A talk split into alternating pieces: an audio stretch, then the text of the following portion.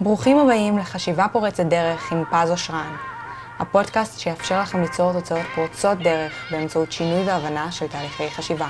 היום בתוכנית נדבר על השקעות. מה הטעויות שאנשים עושים בנוגע להשקעות ואיך להימנע מהן. אילו סוגי השקעות יש שכדאי להשקיע בהם בהקדם האפשרי. על כל זאת ועוד. נדבר היום בתוכנית. יישארו איתנו.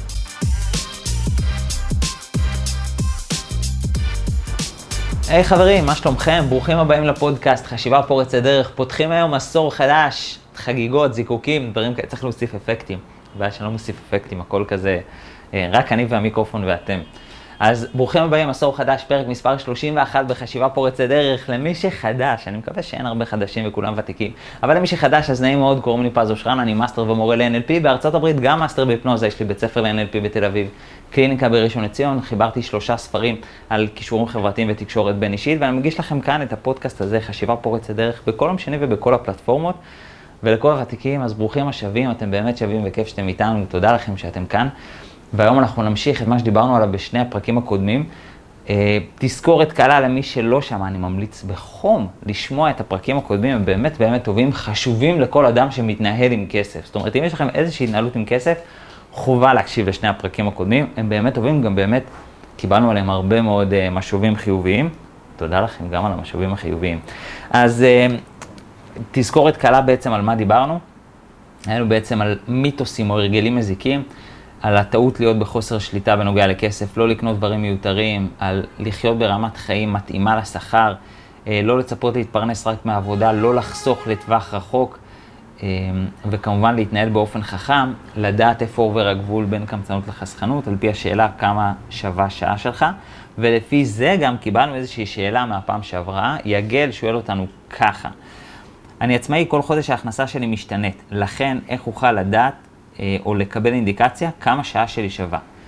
יגל, תודה על השאלה, היא שאלה באמת טובה, ואני רוצה לדייק את מה שאמרתי בפעם שעברה. חשוב לי להדגיש את זה.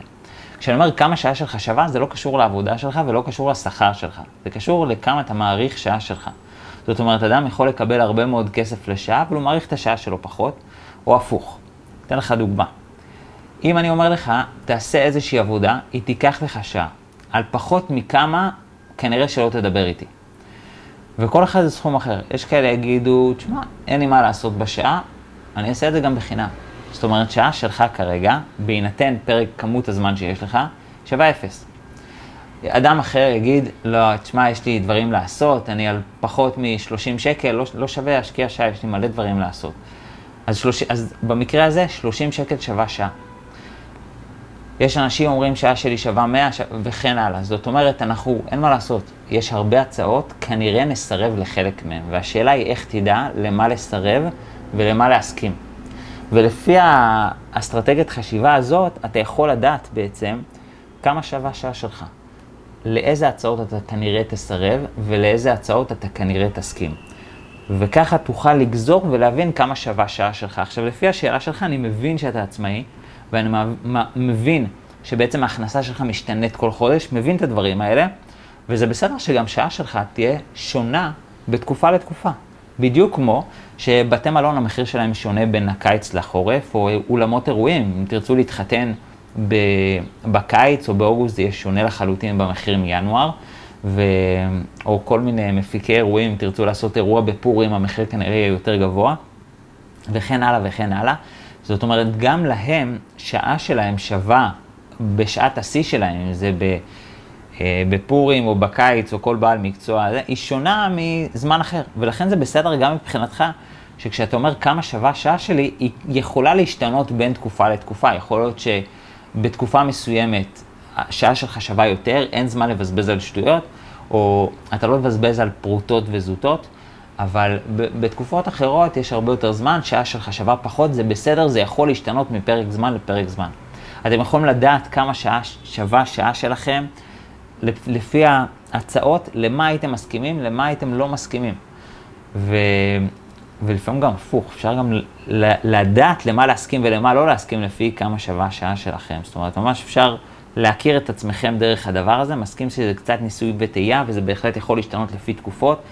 יגיל, אני מעודד אותך אה, להתנסות ב, אה, בכל הכיוונים, ממש להתחיל להדהד את השאלה הזאת, על פחות מכמה לא הייתי מקבל את ההצעה, וזה כנראה המינימום של כמה שווה. שעה שלך, מפה זה רק למעלה, זה כבר להתחיל למצוא את האמצע, אני מקווה שעניתי לך, אם לא, תרגיש חופשי לשאול עוד שאלות, וגם לכם יש עוד שאלות, אז תרגישו חופשי לשלוח לנו, כי בפרק סיום העונה, יש עוד קצת זמן, אל תדאגו, זה לא בקרוב, זה, זה לא כאילו פרק הבא או שתיים, יש עוד טיפה זמן, אבל בפרק סיום העונה, זה יהיה רק פרק של שאלות תשובות, אז uh, תרגישו חופשי לשלוח את כל השאלות שאתם רוצים, כדי שנוכל להכניס את זה לפרק. Um, על מה אנחנו הולכים לדבר היום? אז היום אנחנו נדבר קצת יותר על הנושא של השקעות. דיסקלמר קצר שגם אותו נתתי בפעם שעברה, וחשוב לי להדגיש אותו גם עכשיו, אני לא יועץ פיננסי, אני לא יועץ השקעות. Uh, כל מה שאתם עושים עם הכסף שלכם הוא אחריותכם הבלעדית בלבד, לא לוקח אחריות על שום דבר שאתם עושים. אני רק נותן את דעתי האישית, וזו רק דעתי האישית, לא מקצועית, לא, אה, אה, לא מוסמכת לשום דבר אה, פיננסי או כלכלי. זה רק דעה אישית, פשוט קחו את זה לכיוונים שלכם, לפי בחירתכם האישית ואחריותכם הבלעדית. זהו, זה ככה ה, אה, ה disclaimer הקצר שחשוב להדגיש, כמו שנתתי בשני הפרקים הקודמים. על מה אנחנו הולכים לדבר היום? היום אנחנו הולכים לדבר בעצם על... על הנושא של השקעות קצת יותר לעומק, נבין, כי אם בפעם שעברה דיברנו על זה שלא שווה לחסוך כסף לטווח רחוק, ואז נשאלת השאלה, אז מה לעשות עם הכסף? אוקיי, בוא נניח יש לי 600 אלף שקל, 700 אלף שקל, מה אני עושה עם זה? רגע, פז, אמרת לי לא עושים את זה בבנק לעשר שנים, אז מה כן לעשות עם זה? והיום אנחנו נדבר על זה, מה זה בעצם אומר השקעה, מה זה בכלל השקעה, אה, איזה סוגי השקעות יש, יש כל מיני סוגי השקעות, אנחנו נתמקד בשלושה, וכמובן איך לעשות את זה נכון וחכם. אנחנו נתמקד בשלושה סוגים של השקעות. אני לא מדבר על השקעות כמו נדל"ן, מניות, דברים כאלה, זה האפליקציות נקרא לזה, זה הדרכים להשקיע את הכסף.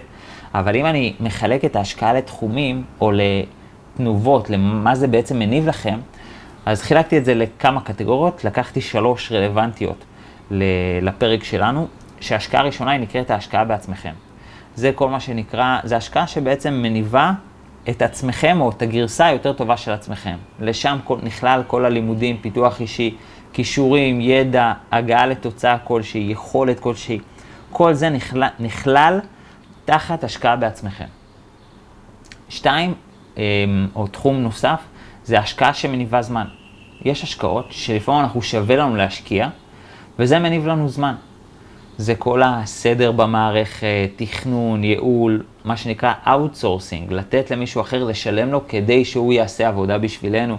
כל זה זה השקעות שמניבות לנו זמן. אה, וסוג שלישי של השקעה, זה השקעה שמניבה כסף. כאן זה כל הנכסים וכל בניית אפיקי ההכנסה. אם, אם אני אזכיר לכם ככה למי שלא שמע את הפרק הקודם או לא זוכר, השקעה זה בעצם ויתור על משאבים בהווה כדי להגדיל אותם בעתיד. זאת אומרת, אני מוותר על זמן עכשיו כדי שיהיה לי יותר זמן או יותר כסף בעתיד. אני בעצם אה, מוותר על משהו שיכולתי ליהנות ממנו עכשיו, בשביל שיהיה לי יותר ממנו או ממשאב אחר בעתיד. וכשאנחנו שואלים את עצמנו, אוקיי, מה אני יכול להניב עם ההשקעה שלי? אז לא עם כולם אנחנו בהכרח נחפש להניב כסף. לפעמים אנחנו יכולים להניב דברים שהם beside money. זאת אומרת, ליד הכסף. אה, לא ממש כסף, כמו למשל ההשקעה בעצמכם, אדם למשל לומד, אז הוא שווה יותר, אז יש לו יותר יכולות. אה, אם זה אדם למשל פתאום יודע אה, לשווק, אז כבר לא משנה מה הוא יעשה, הוא כבר שווה יותר, כי כבר הוא יודע איך לגרום ליותר לקוחות לפנות אליו. ולא רלוונטי באיזה תחום הוא יעשה, לא רלוונטי אם הוא בחר מקצוע או לא, וזה אפילו כבר יכול להיות מקצוע בפני עצמו. אז כל הלימודים, פיתוח יכולות, אדם יש לו למשל כריזמה, הוא יודע לשכנע אנשים, הוא יודע למכור, זה יכולת מסוימת, והיא שווה כסף. במיוחד, במיוחד, במיוחד אם אתם למשל אנשי מכירות, ואז אתם משדרגים את יכולות המכירה שלכם, אז עכשיו שעה שלכם כבר שווה יותר, כי בשעה, בשעה הזאת אתם מוכרים הרבה יותר. סתם נניח, העמלת מכירה שלכם הייתה 50 שקל לשעה, עכשיו אתם מוכרים פי 2, זה אומר שעכשיו העמלת מכירה שלכם היא 100 שקל לשעה. זאת אומרת שעה שלכם עכשיו שווה יותר. אבל אי אפשר להגיד שהשקעתם כסף וקיבלתם כסף, כן? זה לא כמו לקנות דירה ולקבל ממנה שכירות, אלא השקעתם בעצמכם. וההשקעה בעצמכם, זאת אומרת, ויתרתם על משאבים בהווה, זאת אומרת, ויתרתם על זמן או על כסף, או על כל דבר שהוא, כדי להפוך את עצמכם לגרסה טובה יותר.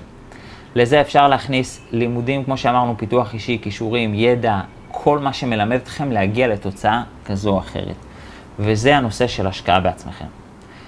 תחום נוסף של השקעות זה השקעות שמניבות זמן. הרבה פעמים הולך הרבה זמן על השקעות לא נכונות או על חוסר סדר, ולפעמים שווה להשקיע זמן או כסף כדי לחסוך זמן. אם זה למשל לעשות סדר במערכת, אה, מערכת עבודה כלשהי, לתכנן את הדברים כמו שצריך, להתייעל, outsourcing, שווה להשקיע במישהו אחר שיעשה משהו מאשר שאתם תעשו. אני אתן לכם רגע כמה דוגמאות בנוגע להשקעה שמניבה זמן.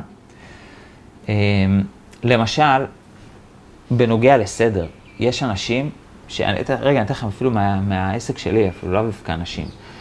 אני פעם, היה לי מערכת שהייתי צריך לשבת ולהוציא חשבוניות. זאת אומרת, אם מישהו היה קונה נגיד ספר באשראי, או היה קונה משהו באשראי, הייתי צריך לשבת, לראות את כל הסליקות אשראי, ולשבת ולהוציא חשבוניות. ולפעמים הייתי יושב על זה, אמ, לא יודע מה, חצי שעה, שעה, כי פתאום הצטברו כמה וכמה חשבוניות.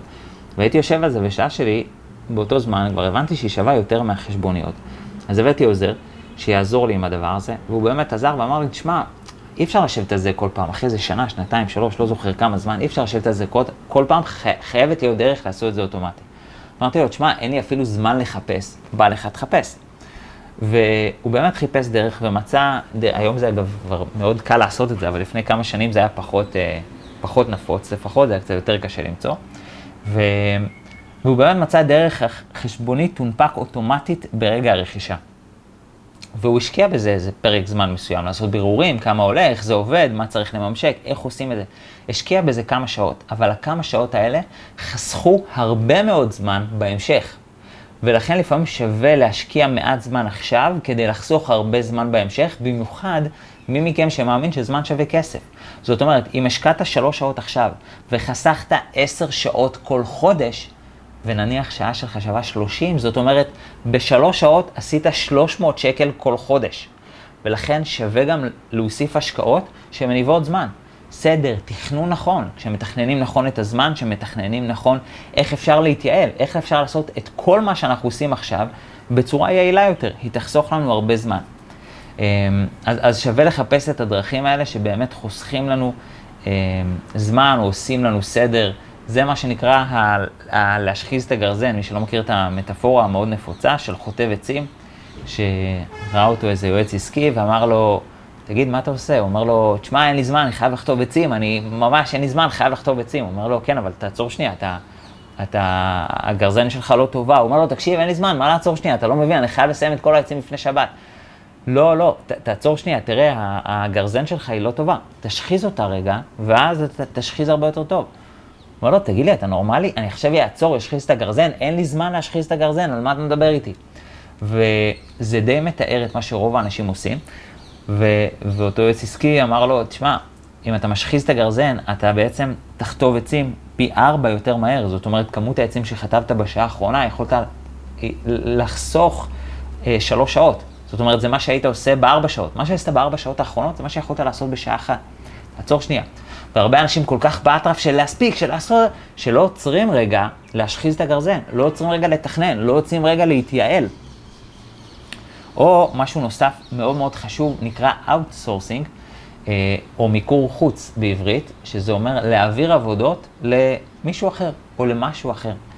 ממליץ בחום, מי שרוצה להבין את הנושא הזה, יש ספר מדהים, מדהים, מדהים, נקרא, אה, אה, איך זה נקרא בעברית? אה, ארבע שעות עבודה בשבוע של טים פריס. שאחד הדברים שהוא מתאר שם זה באמת איך לעבוד ארבע שעות ולהתפרנס מזה, ספר מאוד מאוד טוב, ממליץ עליו בחום. בכללי אני מאוד ממליץ על ספרים בנושא כלכלה, אני חושב שזה חשוב אה, לכל אזרח, לכל אדם שידע איך להתנהל כלכלית. ואחד הנושאים שהוא מדבר שם נקרא Outsourcing, מיקור חוץ, זה אומר לתת למישהו חיצוני שיעשה את זה בשבילכם.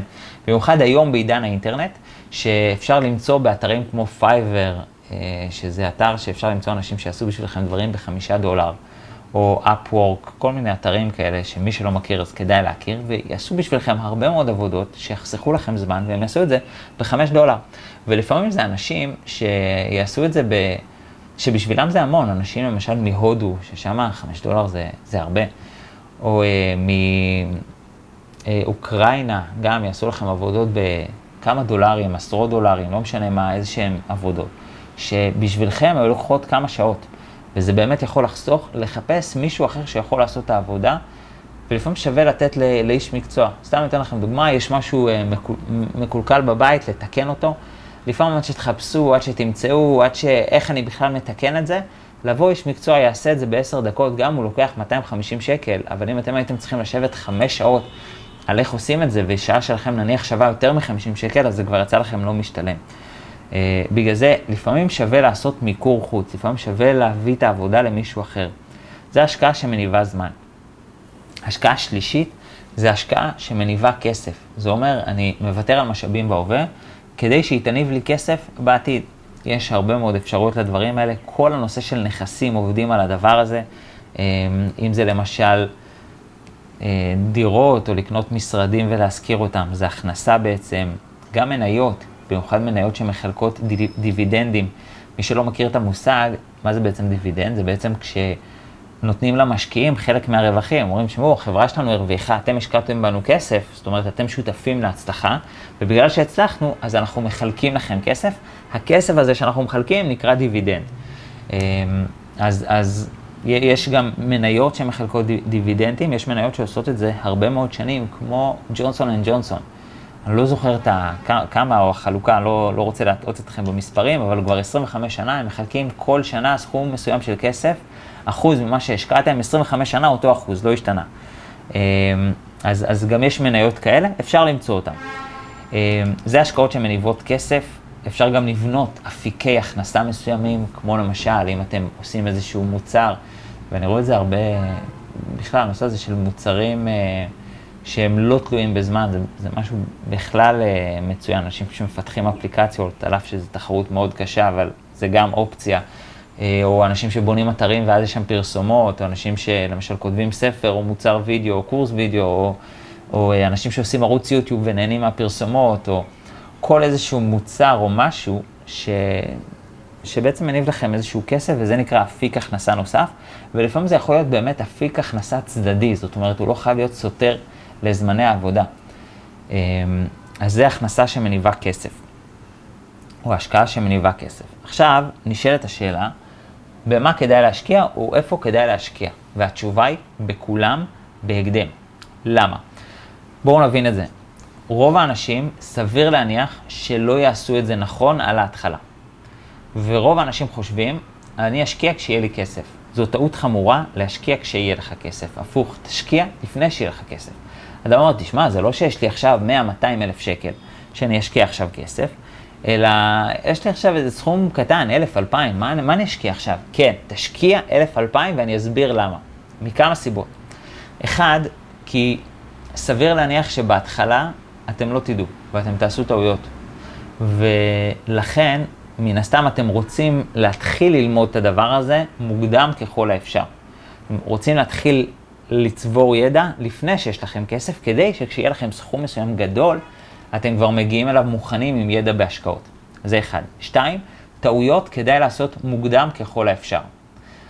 תחשבו על זה, אם בוא נניח אדם משתחרר מהצבא, או אפילו בזמן הצבא, השקיע את המשכורת הצבאית שלו. אז בתקופתי זה היה איזה 300-500 שקל, אני לא זוכר כמה זה היה, כמה מאות שקלים, היום נראה לי זה 1,000, 2,000, לא יודע. אבל משכורת צבאית, אדם משקיע את כולה, נניח, להפסיד את כולה, אין ספק שזה כאב לב, אבל לא כואב כמו להפסיד את כל המשכורת שלכם, או להפסיד את כל מה שיש לכם כשאתם בני 50, 60, 70. זאת אומרת, אם הפסדת את כל מה שיש לך בגיל 16, זה הרבה פחות כואב מאשר אם הפסדת את כל מה שיש לך בגיל 60. ולכן טעויות כדאי לעשות מוקדם ככל האפשר. עדיף לטעות ב-100 שקל עכשיו או ב-1,000 שקל עכשיו, מאשר ב-100,000 שקל עוד 10-20 שנה. אל תשקיעו רק כשיהיה לכם כסף, תשקיעו כבר מעכשיו, ויש אפיקי השקעה בסכומים קטנים. תתחילו אפילו לברר, תתחילו לפתח את האוריינטציה. אם הייתי שם עכשיו את הכסף, בואו נראה מה היה קורה. דמיין, דמיינו, הייתי שם שם 100 אלף שקל, או חפשו אנשים שמשקיעים כסף. בואו נראה מה קרה לו, האם ההשקעה הייתה טובה או לא טובה. להתחיל ללמוד, לפתח את האוריינטציה, כדי שתגיעו מוכנים לפרק הזמן שבו יהיה לכם כבר מספיק כסף להשקעה. אז בכולם שווה להשקיע בהקדם האפשרי. קודם כל בואו נתחיל בראשון, ההשקעה בעצמכם. זה ללא ספק אחד החשובים. כשאתם משקיעים בעצמכם, אתם שווים יותר. גם ברמת היכולות, גם ברמת התוצאות שאתם יודעים להביא לידי ביטוי. הרי בסופו של דבר, כש... כמו שהייתי לא מזמן אצל איזשהו מדקר סיני, עשה לי דיקור, ממש סתם לי כמה מחטים, עשר דקות, השאיר אותי בחדר, המשיך לחדר הבא, לקח לי איזה 250 או 300 שקל, אני לא זוכר. לקחתי, לקח לי 250-300 שקל על כמה מחטים, עשה לי איזה 10 דקות. עכשיו, בפועל, באמת, באמת, לא שילמתי לו על 10 דקות, לא שילמתי לו על זמן, זה לא עניין אותי הזמן. מה שעניין אותי זה התוצאה. הוא ידע ליצור לי את השינוי הפיזי שרציתי ליצור, ואם הוא עושה את זה בעשר דקות, מעולה, זה חלק מהמיומנות שהוא ידע ליצור. זאת אומרת, בסופו של דבר שילמתי על הידע שהוא יודע לעשות, או על מה שהוא יודע לעשות, ולא באמת על הפרק הזמן, ולפעמים הפוך. אם זה לוקח לו מעט זמן, זה שווה יותר. אמ, אז, אז שווה להשקיע בעצמכם, לדעת להגיע לתוצאות. ויש המון תוצאות שאנחנו יכולים להגיע אליהן, והן חשובות לחיים. אה, היכולת לשכנע אנשים, היכולת להעביר מסר, היכולת לקרוא שפת גוף, זה דבר, יכולות שבאמת מקצרות לכם את הדרך, ותמיד, אפילו מגיל קטן, שווה להתחיל להשקיע בעצמכם. זה יניב הרבה מאוד כסף. לאו דווקא כסף, זה יניב עוד הרבה יותר, אבל בגלל שאנחנו בפרק על השקעות פיננסיות, אז אנחנו כרגע מדברים על כסף, אבל זה באמת יניב הרבה יותר מזה. שתיים, השקעה שמניבה זמן. תהיו טיפה קנאים לזמן שלכם, אני ממליץ בחום. זו הסיבה שאני בחרתי לא לראות טלוויזיה, ממש, אני לא רואה טלוויזיה ממש חוץ מדברים ספציפיים שגם מהם אני בוחר ללמוד, לא יודע מה, כשהיה חתונה מבט ראשון אז ראיתי. אה, המתחזים אני מאוד אוהב, דברים שאפשר ללמוד מהם, בודדים לחלוטין. יש אנשים באופן קבוע מגיעים הביתה, שעתיים, שלוש שעות מול הטלוויזיה, חבל. זה מבזבז הרבה מאוד זמן. תהיו קצת קנאים לזמן שלכם, במיוחד שכשאתם יודעים שאם אתם משקיעים טיפה היום, זה יכול להניב לכם הרבה בעתיד. אז קצת להיות קנאים בזמן שלכם, ולפעמים עדיף במקום שעתיים לראות טלוויזיה, אה, או שלוש שעות במקום שלוש שעות ביום לראות טלוויזיה, אז אפילו לא את כל השלוש שעות, שעה אחת, שעה אחת מתוך השלוש שעות תשקיעו בעצמכם, או בלחסוך לעצמכם זמן, או בלעשות סדר, או בלתכנן את השבוע שלכם, או בלתכנן את סדר הפעולות, או את מה אתם הולכים לעשות, או למצוא outsourcing טוב, לבדוק שהכל הולך טוב. זאת אומרת, לפעמים דברים כאלה יכולים לחסוך הרבה מאוד והם שווים. אתם מתפנים למה שיכול אה, להניב לכם יותר כסף. יש אנשים, למשל, אומרים, שמע, אני לא לוקח שעות נוספות בעבודה. ואז אני מגלה מה הוא עושה בשעות הנוספות. ואגב, זה בסדר לא לקחת שעות נוספות. באופן כללי אני בעד לא לעבוד יותר מדי, לא לקרוע את עצמכם. אולי נרחיב על זה הפרק הזה, אבל באופן כללי אני בעד לא לקחת יותר מדי שעות, לא לקרוע את עצמכם, אבל יש אנשים אומרים, אני לא לוקח שעות נוספות בעבודה, כי, שמע, אין לי זמן. מה זאת אומרת, אתה מגיע הביתה ומה אתה עושה? שמע, וואלה, אני כבר אין לי כוח, אני רואה טלוויזיה, אני נשכב ואני איזה שלוש-ארבע שעות מול הטלוויזיה. יש לי לבשל, יש לי פה, יש לי שם. מה אתה עושה? אני מתכנת כמה שנים ממך 100 שקל לשעה. שווה לך להזמין אוכל, או אפילו להביא מישהו שיבשל בשבילך, או אם אתה צריך לראות טלוויזיה, אולי לעשות איזה מדיטציה, שתחסוך לך את הפרק הרגעות, תעשה את זה אפילו באמצע היום, ותשקיע עוד שעה, שעתיים בעבודה, במיוחד ששעות נוספות זה קצת יותר, זה קצת יותר עלות, זה משלמים לך קצת יותר מזה. שווה לעשות את החישובים האלה. אז זה נקרא outsourcing. לפעמים עדיף שמישהו אחר יבשל, מאשר שאתה תבשל, כי שעה שלך שווה יותר, פשוט ככה. אה, וגם לפעמים לא. אנחנו, אה, בגלל זה חשוב לדעת כמה שווה שעה שלכם. אז כבר מההתחלה, להתחיל להבין כמה אה, שעה שלכם שווה, ולהתחיל להיות קצת קנאים לזמן, להשקיע בלדעת להניב זמן. לפעמים אפילו אם אתם למשל לומדים לנהל זמן, זה השקעה שמניבה זמן. ללמוד את זה לוקח בתכלס ארבע שעות, גג, גג, גג. אתם יודעים מה? שעה. בסדר? עשר שעות אם קשה לכם לקלוט. בסדר. עשר שעות לקלוט איך מנהלים זמן, זה, זה השקעה ששווה לטווח הרחוק, כי אז אני מוודא שהכל נכנס, ששום דבר לא נופל בין הכיסאות. אולי יש לי יותר זמן לעבוד ולעשות כסף. אני מוותר על משאבים בהווה כדי להגדיל אותם בעתיד. אז זה בנוגע להשקעה שמניבה זמן. השקעה שמניבה כסף, זה בעצם ממש, כמו שאמרנו, אפיקי הכנסה, להתחיל לחפש אותם, ויש באמת באמת אינסוף. ו... מה שאני ממליץ לעשות זה להתחיל להרהר בשאלה, איזה אפיקי הכנסה קיימים, ממש להתחיל לחפש אותם, לשאול, אולי לקרוא עיתונים פיננסיים, דה מרקר, גלובס, כלכליסט, אה, עיתונים פיננסיים גם בעולם, ניו יורק טיימס וכן הלאה, הרבה מאוד אה, ז'ורנלים, אה, עיתונים, שיכולים באמת ללמד אתכם, או לספר לכם אפילו סיפורי הצלחה על אנשים שהשקיעו כסף והתעשרו. אני אישית חושב, סתם אתן לכם דוגמה, בסדר? זה רק דוגמה. וזה, ושוב, זה לא המלצה להשקעה, אבל למשל אני מאוד מאוד חושב שביטקוין בפרק זמן הנוכחי עכשיו, שאנחנו נמצאים בו, הוא השקעה מאוד מאוד טובה. זה אני אישית חושב. אה, למה? סתם בהמשך למה שדיברנו בפעם שעברה, בגלל שכסף מדפיסים כל הזמן, ואז הערך שלו נשחק, ביטקוין יש כמות מסוימת שאי אפשר להדפיס יותר. יש כמות של 21 מיליון במקסימום, זהו, אי אפשר להגיע ליותר מזה, ואז הוא יותר שומר על ערכו. הוא מאוד תנודתי, כי ה market cap שלו הוא יחסית נמוך, שווי השוק שלו הוא קטן. אבל בפרק הזמן הנוכחי, אחרי שלמדתי את הנושא ולמדתי אותו כמה שנים, אני חושב שעכשיו זה זמן טוב. אבל זה, זה דעה אישית שלי. כן, אני ממליץ לכם ללמוד על דברים. ללמוד מה זה אומר ביטקוין, מה זה אומר מניות, מה זה אומר uh, דירות. האם אפשר לעשות קבוצות שירכשו דירה? סתם דוגמה. אם אין לכם עכשיו, נניח כדי לרכוש דירה צריך מיליון שקל. בואו נניח אין לכם מיליון שקל, אבל יש לכם מאה אלף שקל. אתם מבינים שאם אתם מתאגדים עשרה אנשים, שאחראים על הדירה, כל אחד שם 100 אלף שקל, ואז נניח כתוצאה מזה השכירות אתם מקבלים 3,000 שקל, אז אתם מקבלים את החלק היחסי שלכם, שזה עשיר, עשירית או 10 אחוז. זה אומר ששמתם 100 אלף שקל, אתם מקבלים 300 שקל כל חודש. כמובן, בהנחה ועשיתם את זה עם חוזה מסודר, אנשים שאתם סומכים עליהם, כן, דברים שמרגיש קצת מיותר לדבר עליהם. אבל, אה, אבל הם גם סופר חשובים.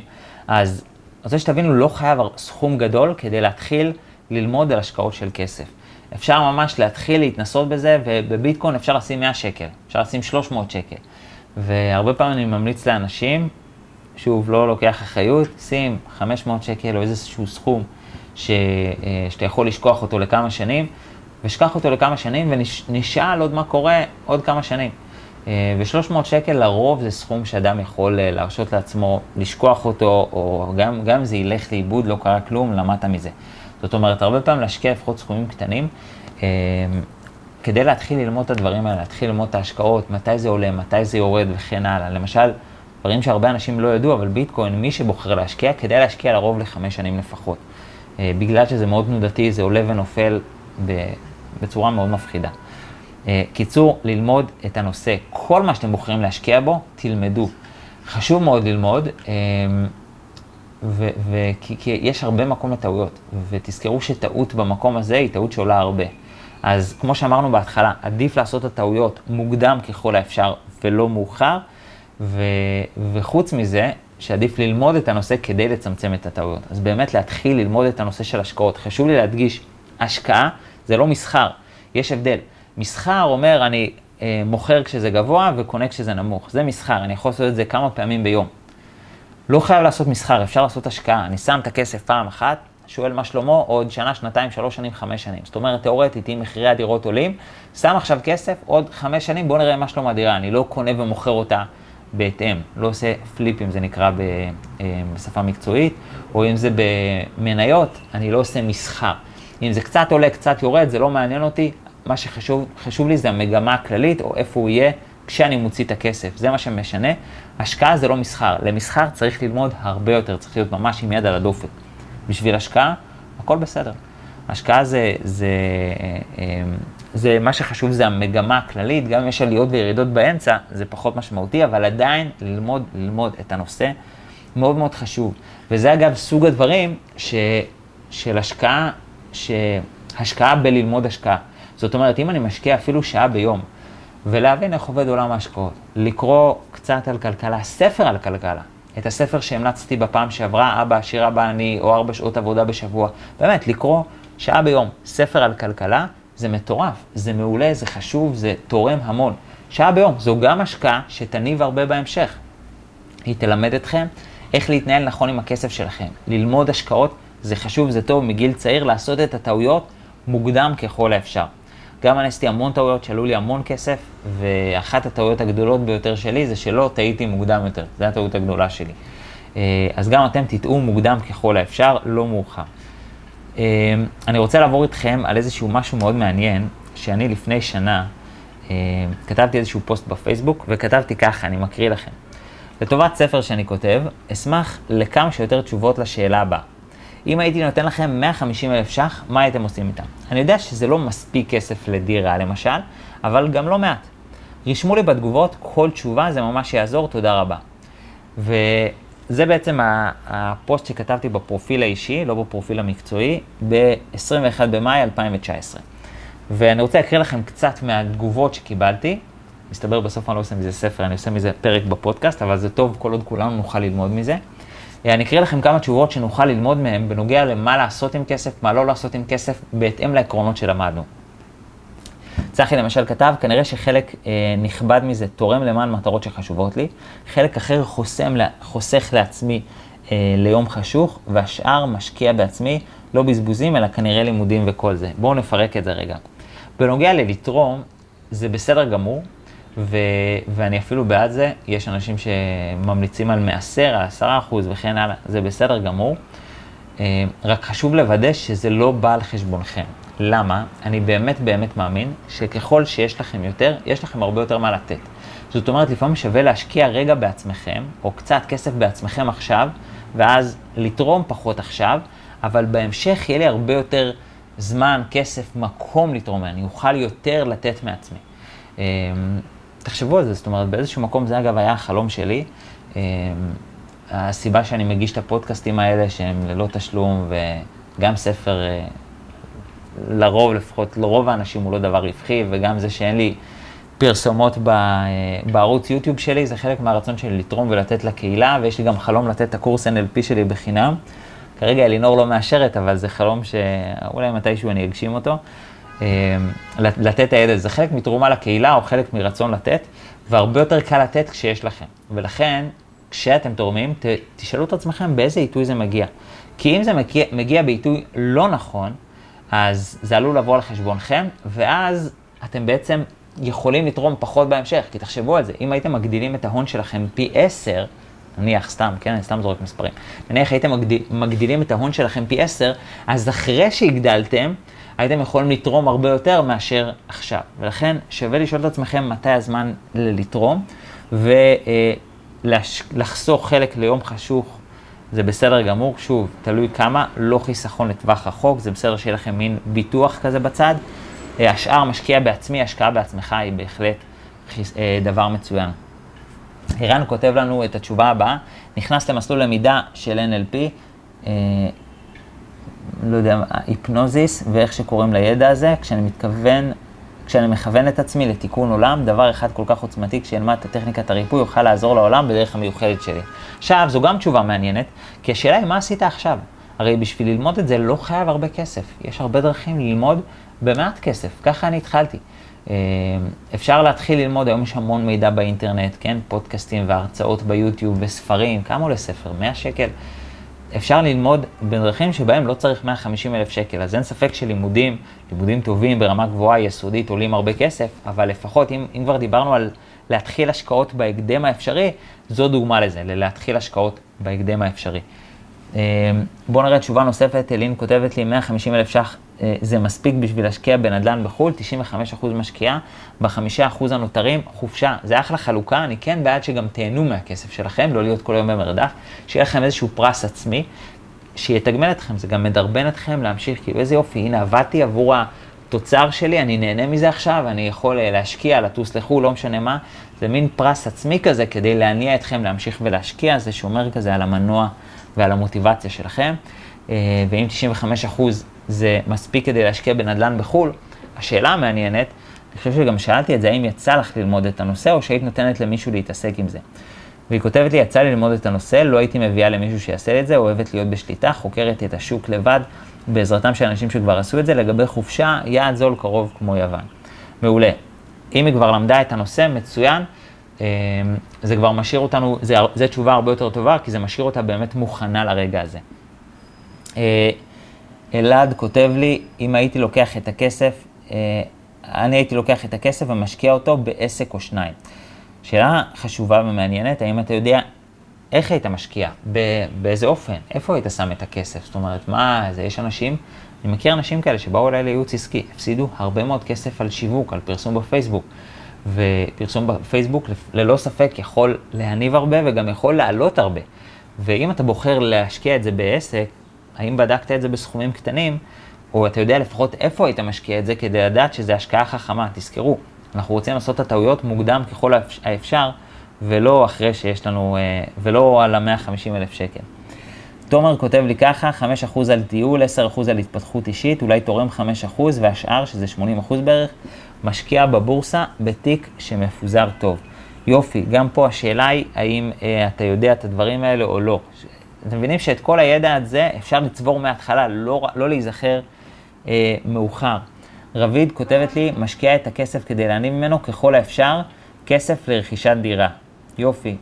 אה, השאלה, שאלתי האם יצא לך לחשוב איך ואיפה היית משקיעה את הכסף, או שהיית חושבת על זה אחרי שהיית מקבלת את הכסף, והיא כתבה לי, לא מבינה בזה, מעולם לא התעניינתי. טעות להתעניין בזה אחרי שיש לכם כסף. תזכרו, האידיאל, אה, לש... ללמוד את זה לכשיהיה לכם כסף, להגיע מוכנים לזה. אה, עודד כותב, משקיע הכל מגדיל, מגדיל את הסכום, נראה לי חוזר על עצמו בהמשך למה שדיברנו. עידו כותב, דבר ראשון, מוציא את בני המשפחה שלי מחובות ועוזר לאחותי עם השכר לימוד, לימוד. אה, את הכסף שנשאר, כנראה הייתי חוסך עד שיהיה לי מה לעשות איתו, בטח הייתי קונה איתו רכב כשאסיים את הלימודים, עוד קצת יותר משלוש שנים. זו תשובה פחות טובה, בואו נלמד ממנה. אחד, קודם כל, דבר ראשון, מוציא את בני המשפחה שלי מחובות. חשוב שנזכור שזה אגב מסוג הפעמים למה ידע שווה הרבה יותר מכסף. כי רוב האנשים, אם תכסו להם את החובות, תפגשו אותם עוד שנה, שנתיים, שלוש, זה לא שהם יגידו לך, יואו, איזה יופי, אתה יודע, אין לי חובות יותר. הם כנראה ייכנסו שוב לחובות. למה? כי חובות זה תוצאה של התנהלות פיננסית לקויה.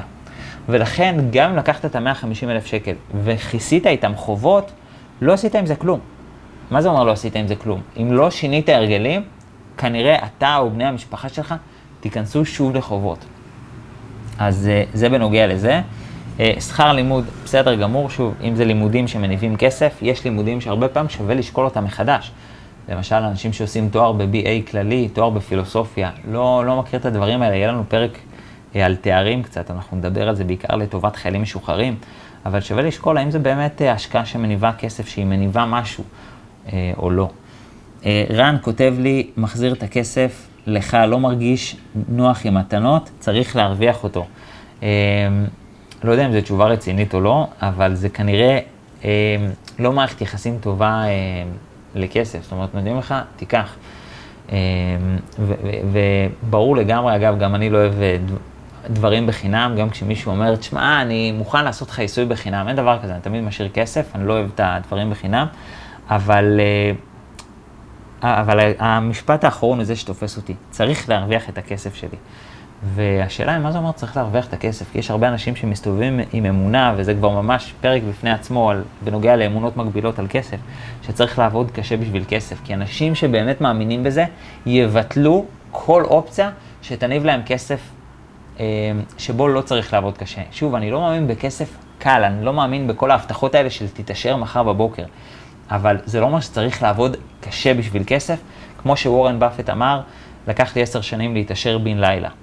אז, אה, אז השאלה היא מה אנחנו מגדירים צריך להרוויח אותו. אה, יונתן כותב, משקיע ב risk rewards גבוה יחסית בסווינג. אוקיי, שוב, אם אתה יודע, כל הנושאים של השקעות, שאלה שאתם צריכים לשאול את עצמכם זה האם אתם יודעים איך ומה הייתם עושים. אה, בואו נראה עוד השקעות, זה תשובות שדיברנו עליהן. אה, טס לאירופה, שוב, זה חבל, זה בזבוז של כסף, שאנשים שאומרים, הייתי עושה טיול ארוך. זה חבל, זה בזבוז של, של כסף שהיה אפשר לה, להוציא ממנו הרבה יותר בהמשך. Uh, תזכרו שכסף של יותר הוא שווה הרבה יותר. וזה אגב הכוח של ריבית דריבית. Uh, לא, לא, לא אכנס לזה כרגע, אבל זה באמת... Uh, אבל, אבל תזכרו שכסף שמשקיעים אותו, אתם יודעים מה, אני אכנס לזה ממש בקטנה. אם אתם לוקחים 150 אלף שקל, בסדר? ונניח אתם מקבלים עליו 15 אחוז כל שנה. אחרי 10 שנים, כמה היה לכם? אז רוב האנשים עושים, חושבים שיהיה להם 300 אלף שקל, וזו טעות. אני אכנס לזה ממש בקצרה. אם יש לך, אה, סליחה, סליחה 15 אחוז, בוא נעשה 10 אחוז, כדי שיהיה קל לחשב. אם יש לך 150 אלף שקל ואתה מקבל 10% בשנה, אחרי 10 שנים כמה יהיה לך? רוב האנשים חושבים, יהיה לי 300 אלף שקל, כי 10% כפול 10 שנים זה 100%, יהיה לי עוד 150 אלף שקל. זה טעות, יהיה לך הרבה יותר מזה. כי בשנה הראשונה עשית 10%, זה אומר שיהיה לך למעשה 165 אלף שקל בשנה השנייה. ואז בשנה השנייה, יש לך 10% מ-165,000 שקל, לא מ-150,000 שקל. זאת אומרת, ה-10% שלך גדל, אתה כבר לא תקבל 15,000 שקל שנה הבאה, אתה תקבל יותר מזה. זה אומר ששנה הבאה אתה כבר תהיה עם 181,500 שקל. ושנה אחרי זה אתה תהיה עם 199,650,000 שקל. ושנה אחרי זה אתה תהיה עם 219, כמעט 220,000 שקל, ושנה אחרי זה 241. ושנה אחרי זה אתה עם 265,700, ושנה אחרי זה אתה עם 292, ושנה אחרי זה אתה עם 321. ואם אה, נשים לב כמה שנים עברו, 1, 2, 3, 4, 5, 6, 7, 8, אחרי 8 שנים אתה עם 321,000 שקל, לכן זה טעות לחשוב שאחרי 10 שנים יהיה לך 300,000 שקל. זה נקרא ריבית דריבית. זה אומר אני מקבל עוד כסף על העוד כסף שצברתי, שהוספתי לעצמי. ולכן, כשאדם אומר, אני פשוט אה, נהנה בהכל, אין בעיה. זה בסדר גמור אה, לעשות טיול לחו"ל, פשוט הרבה פעמים זה כסף שיכול להיות שווה הרבה יותר בזכות הריבית דריבית. זאת אומרת שהעוד שנה הזאת יכול לעשות הבדל מאוד משמעותי. אה, זה נראה לי עיקר התשובות, יש פה עוד כסף ישר להשקעה בנדל"ן, ומחלק לילדים שלי שווה בשווה. בסדר, שווה לוודא ש... שהילדים יודעים לעשות את העבודה נכון. זה עד כאן הפרק להיום על השקעות פיננסיות, עד כאן הפרק השלישי. פרק הבא, אה, לבקשתכם, יהיה לנו פרק נוסף עם אה, עדן ביבס בנוגע להתמדה. אה, אנחנו נהיה כאן גם בשבוע הבא, באותו מקום, בכל הפלטפורמות. תודה רבה לכם על ההאזנה. מי מכם שרוצה להשקיע בעצמו באמת ברמה גבוהה, מוזמן לקורס המטורף שלנו, של חשיבה פורצת דרך ו-NLP, הוא לא דומה לשום דבר אחר שקיים בארץ. הוא מדהים, מדהים, מדהים ומשנה חיים, ואם אתם רוצים הוכחות לדברים האלה, אז תפנו אלינו, יש לנו הוכחות שהוא ללא ספק שווה כל אגורה וכל רגע של זמן וכל שנייה. אז uh, תפנו אלינו, הוא באמת באמת איכותי. אנחנו נהיה כאן גם בשבוע הבא. חבר'ה, תודה רבה לכם על ההקשבה, על ההאזנה, על הלייקים, על האהבה. תודה, אוהב, אוהב אתכם. הבקשה היחידה שלי אליכם זה באמת שתהפכו את החיים שלכם לדבר הכי מדהים ומעורר השראה שיכול להיות, וככה נהפוך את העולם למקום טוב יותר. תזכרו, ההשקעה הכי טובה היא ההשקעה בעצמכם. ניפגש שבוע הבא, חשיבה פורצת דרך, לי קוראים פז אושרן, יום שני בכל הפלטפורמות, שיהיה לכם המשך שבוע מצוין, ביי בינתיים. תודה רבה שהאזנתם לפודקאסט חשיבה פורצת דרך עם פז אושרן.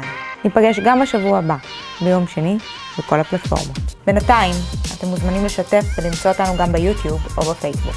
פשוט חפשו פז אושרן ותמצאו אותנו.